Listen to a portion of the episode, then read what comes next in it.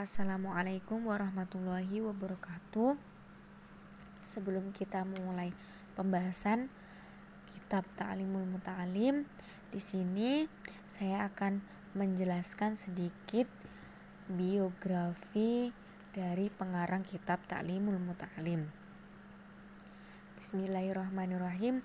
Pengarang kitab Ta'limul Muta'alim adalah Syekh Zarnuji yang nama lengkap beliau adalah Syekh Tajuddin Nu'man bin Ibrahim bin Al-Khalil Az-Zarnuji.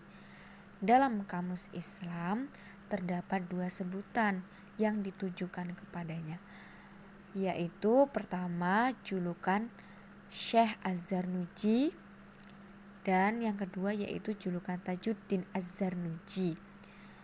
Syekh Az-Zarnuji adalah seorang sastrawan dari Bukhara dan termasuk ulama yang hidup pada abad ke-7 Hijriah atau sekitar abad ke-13 sampai 14 Masehi. Beliau dapat dikenal pada tahun 593 Hijriah dengan kitab Ta'limul Muta'alim.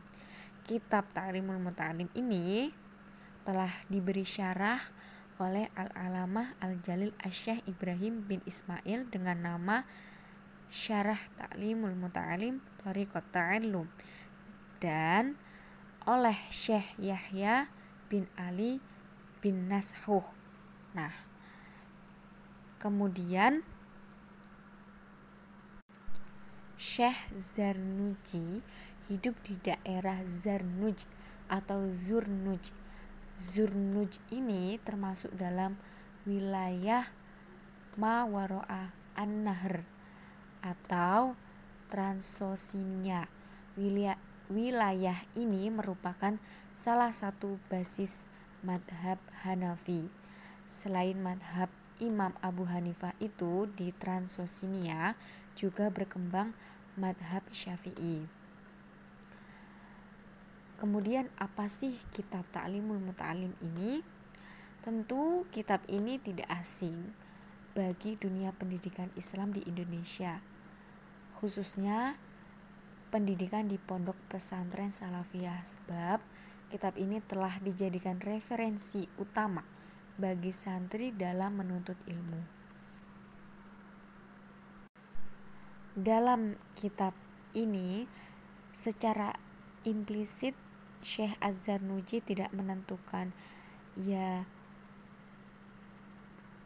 tinggal di mana namun secara umum i, beliau ini hidup pada akhir periode Abbasiyah sebab Khalifah Abbasiyah terakhir ialah Al-Mu'tasim yang wafat pada tahun 1258 Masehi atau sekitar 656 Hijriah. Jadi ada kemungkinan pula beliau tinggal di kawasan Irak, Iran sebab beliau juga mengetahui syair Persi di samping banyaknya contoh-contoh peristiwa pada masa Abbasiyah yang beliau tuturkan dalam kitab tersebut. Dalam kitab tersebut tidak dijelaskan secara definitif mengenai arti belajar. Akan tetapi beliau hanya menjelaskan bahwa belajar atau menuntut ilmu merupakan sebuah kewajiban yang telah disyariatkan oleh agama, baik melalui Al-Quran ataupun hadis.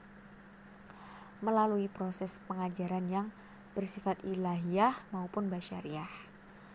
Menurut Syekh Azan Nuji, belajar bukanlah seperti apa yang dirumuskan oleh para ahli psikologi, pendidikan, yang menyatakan bahwa belajar merupakan proses usaha untuk memperoleh perubahan tingkah laku sebagai hasil dari pengalaman dan bukan pula seperti yang dirumuskan oleh H.M. Arifin yang menyatakan bahwa belajar adalah kegiatan dalam menerima, menanggapi serta menganalisa bahan yang disajikan oleh pengajar sehingga memperoleh kemampuan menguasai bahan pelajaran. Namun menurut Syekh Az-Zarnuji, belajar adalah bernilai ibadah dan menghantarkan seseorang untuk memperoleh kebahagiaan duniawi dan ukhrawi karena belajar menurut Syekh Azhar Nuji harus diniati untuk mencari ridho Allah, kebahagiaan akhirat, mengembangkan dan melestarikan Islam, mensyukuri nikmat akal dan menghilangkan kebodohan.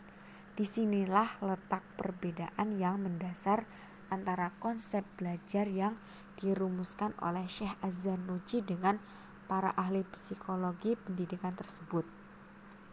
Belajar menurut Syekh Azhar Nuji bukan hanya menekankan pada dimensi duniawi semata sebagai tujuan, tetapi juga mencakup dimensi ukhrawi. Nah, jadi kitab ini juga selain mengenai tentang menuntut ilmu, konsep-konsepnya disertai bagaimana sih tata caranya menuntut ilmu, kemudian syarat-syarat apa yang harus kita pelajari dalam menuntut ilmu. Jadi, setelah kita mendapatkan ilmu, kita itu mengetahui kemanfaatan dari ilmu tersebut dan kita bisa mengamalkan ilmu tersebut sedikit demi sedikit. Jadi, ilmu yang kita dapat tidak sia-sia begitu saja.